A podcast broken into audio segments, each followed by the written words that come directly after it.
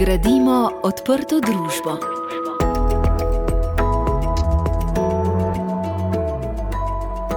Lepo pozdravljeni v avgustovski oddaji, ki jo pripravlja Jezuitsko združenje za begunce Slovenije.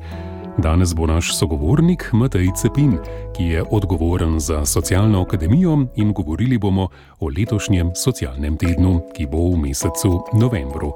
V drugem delu oddaje še novica o polletnih podatkih glede migracij v Republiko Slovenijo. Vabljeni k poslušanju.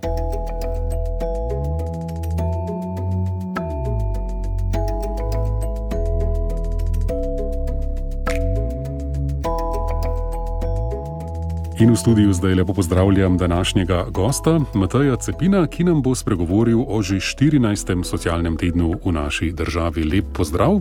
Lep pozdrav. Socialna akademija torej skupaj z različnimi partnerji, med njimi je tudi Jezuitsko združenje za begunce Slovenije, letos organizira že 14. socialni teden v Republiki Sloveniji. Ta bo v letu 2022 potekal v novembru. Kakšna bo njegova tematika? Naslov bo Počimo mehurčke. Nekoliko nenavaden naslov, morda se sliši nekoliko otroči, vendar je e, zaradi te pomanjševalnice in tudi sicer, vendar je po mojem v naši družbi še kako potreben tudi za odrasle.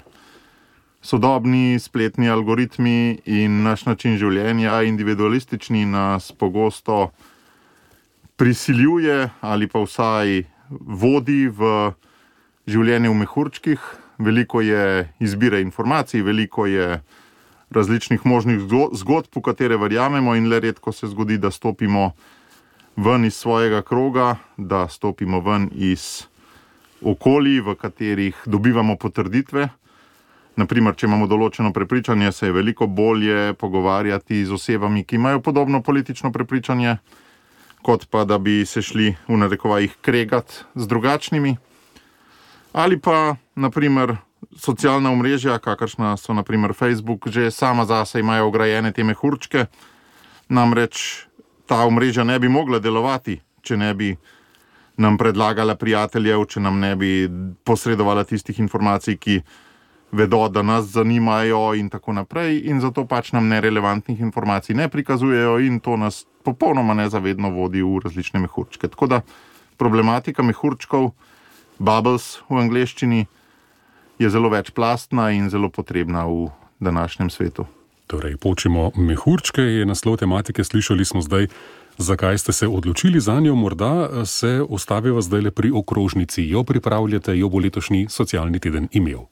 Res je in sicer tokrat uh, izhajamo še posebej iz prakse, namreč v juliju, 3. do 7. smo imeli že tudi tabor Počimo mehurčke, ki je potekal skupaj z muslimanskimi družinami iz Turčije, ki so po večini begunske, tako da se letos z jezuitskim združenjem za begunce še posebej tematsko povezujemo, in pa eh, velike katoliške družine, ki sta obe na nek način tak ali drugačen diskriminirani v družbi, oziroma ne diskriminirani, nujno morda ranljivi.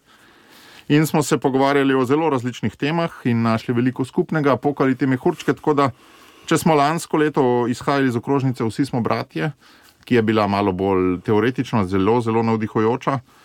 Letos malo bolj izhajamo iz tega, kar smo se naučili v praksi, in bomo skušali to tudi posredovati in s tem navdušiti tudi ostale organizacije in organizatorje. Kaj pravzaprav je tisto, kar želite s socialnim tednom doseči, morda spremeniti v naši družbi? Ja, s tokratnim, predvsem, niti ne tako zelo veliko, ampak ključno, namreč to, da bi se ljudje da bi ljudje iskali med seboj sinergijo in iskali nove skupne poti. Če pogledamo, mnogi so ali pa smo, konec koncev, že izgubili tudi upanje nad tem, da se da v politiki kaj pametnega doseči. Samo umevno je, da politika izključuje drug drugega. Um, potem z marsikaterim sorodnikom, sosedom smo ga odpisali. In uh, če se take stvari bodo zgodile, da bomo z temi ljudmi začeli ponovno ali pa sploh prvič graditi neko skupnost, nek odnos, nek dialog, bili z ramo obrami pri reševanju skupnega problema, bo to zelo velik in lep dosežek, kljub temu, da se sliši majhen. Uhum. Kot smo slišali v vodoma, letošnji socialni teden je 14. Kako vidite njegovo poslanstvo, razvoj in pa tudi ne na zadnje učinke? Ja, moram reči, da se veliko stvari spremenja. Ko smo stvar začeli, je bila zelo z nekim entuzijazmom, potem v naslednjih letih, tam ne vem, četrti, peti, šesti, sedmi socialni teden, bilo, so bile leta velikanskih številk. Mislim, da je bil rekord enkrat 84 ali koliko dogodkov po celi Sloveniji, ko smo pač nekako verjeli, da s tem, ko delamo dogodke, ko se združujemo. Eh, spreminjamo svet in seveda tudi ga, saj se je potrebno izobraževati, potrebno je govoriti med seboj, potem pa so se številke že same malo zmanjšale, potem je dodatno COVID zelo zmanjšal številke, šlo se je tudi na splet in tako naprej. Tako da zdaj gremo bolj na kvaliteto pred kvantiteto.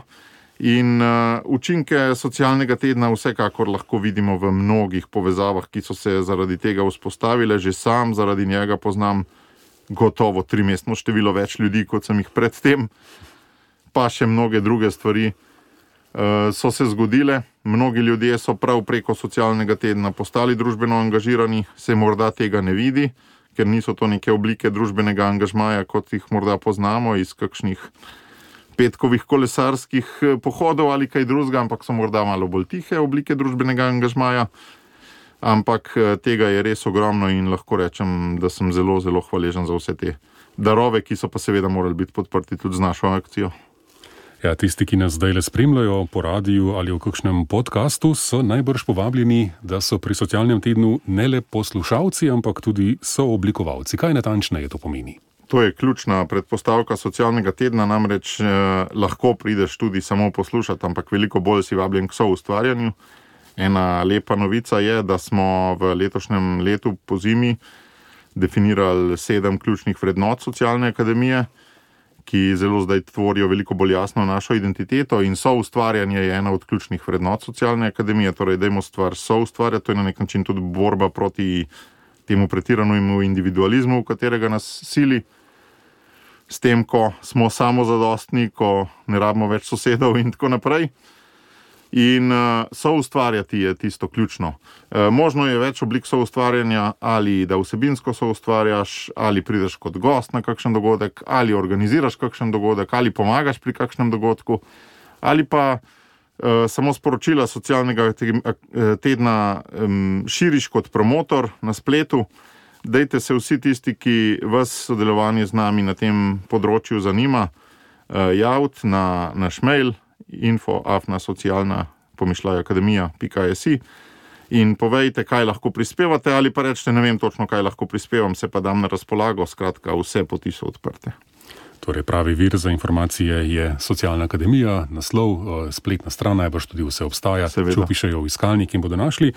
Matej Cepin, hvala za današnji pogovor in zagotovo bomo še o socialnem tednu v naslednjih tednih do novembra, ko se bo začel, tudi govorili. Res je, predstavili smo ga že lansko leto iz septembrskega termina v novembrskega, razen, ra, ravno zaradi tega, ker se avgusta prav veliko ne govori, potem pa že takoj pride. Če je pa stvar novembra, se pa lahko res bolje pripravimo in tudi to je kvaliteta pred kvantiteto. Tako da hvala vam, zdaj le smo otvorili sezono, pa gremo naprej.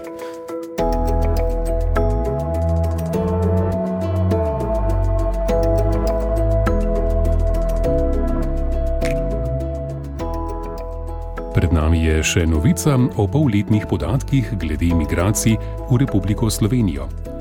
Slovenska policija je v obdobju od 1. januarja do 30. junija letos obravnavala 6006 ilegalnih prehodov državne meje. V lanskem enakem obdobju so obravnavali le 3422 ilegalnih prehodov. Število se je torej povečalo za 75 odstotkov. Največ je bilo državljanov Afganistana, ki predstavljajo skoraj četrtino vseh ilegalnih prehodov. Trend števila ilegalnih prehodov torej strmo narašča. Največ je bilo obravnavanih, kot rečeno, državljanov Afganistana, Pojavljajo se tudi državljani držav, ki se v predhodnem letu na naši zunanji šengenski meji skoraj niso pojavljali. Gre predvsem za državljane Nepala ter državljane Indije, Kube in Burundija, ki zlorabljajo brezvizumski režim vstopa v Srbijo, odkuder nadaljujejo pot proti državam Srednje Evrope. In še podatek o številu prošenj za mednarodno zaščito v naši državi. Od 1. januarja do 30. junija letos so bile v Republiki Sloveniji podane 3703 prošnje za mednarodno zaščito, kar je približno 190 odstotkov več kot v enakem obdobju lani. Konec junija je na sprejem prošnje čakalo še okoli 450 oseb. Dodaten pritisk na naš azilni in sprejemni sistem pa predstavljajo tudi razseljene osebe iz Ukrajine. To je bilo vse v tokratni oddaji. Zahvaljujemo se vsem, ki podpirate delo Jezuitskega združenja za begunce Slovenije, slovenski provinci Družbe Jezusove in številnim dobrim ljudem, ki preko te oddaje pomagate beguncem, tujcem in prosilcem za mednarodno zaščito. Če želite tudi vi pomagati ljudem, ki zaradi preganjanja iščejo miru kot begunci po svetu, pokličite nič 31, 63, 69, 64. Nič 31, 63, 69, 64. Veseli bodo vaše pomoči. Današnjo oddajo je pripravil Rubin Švajger, za branje in tehnično izvedbo sem poskrbel Matjaš Mrljak. Hvala za pozornost in prisluhnite znova v nedeljo 25. septembra. Poslušali ste oddajo Gradimo odprto družbo, ki jo pripravlja Jezuitsko združenje za begunce Slovenije. V programu Radio Ognišče je vsako četrto nedeljo v mesecu ob 18. uri in 30 minut.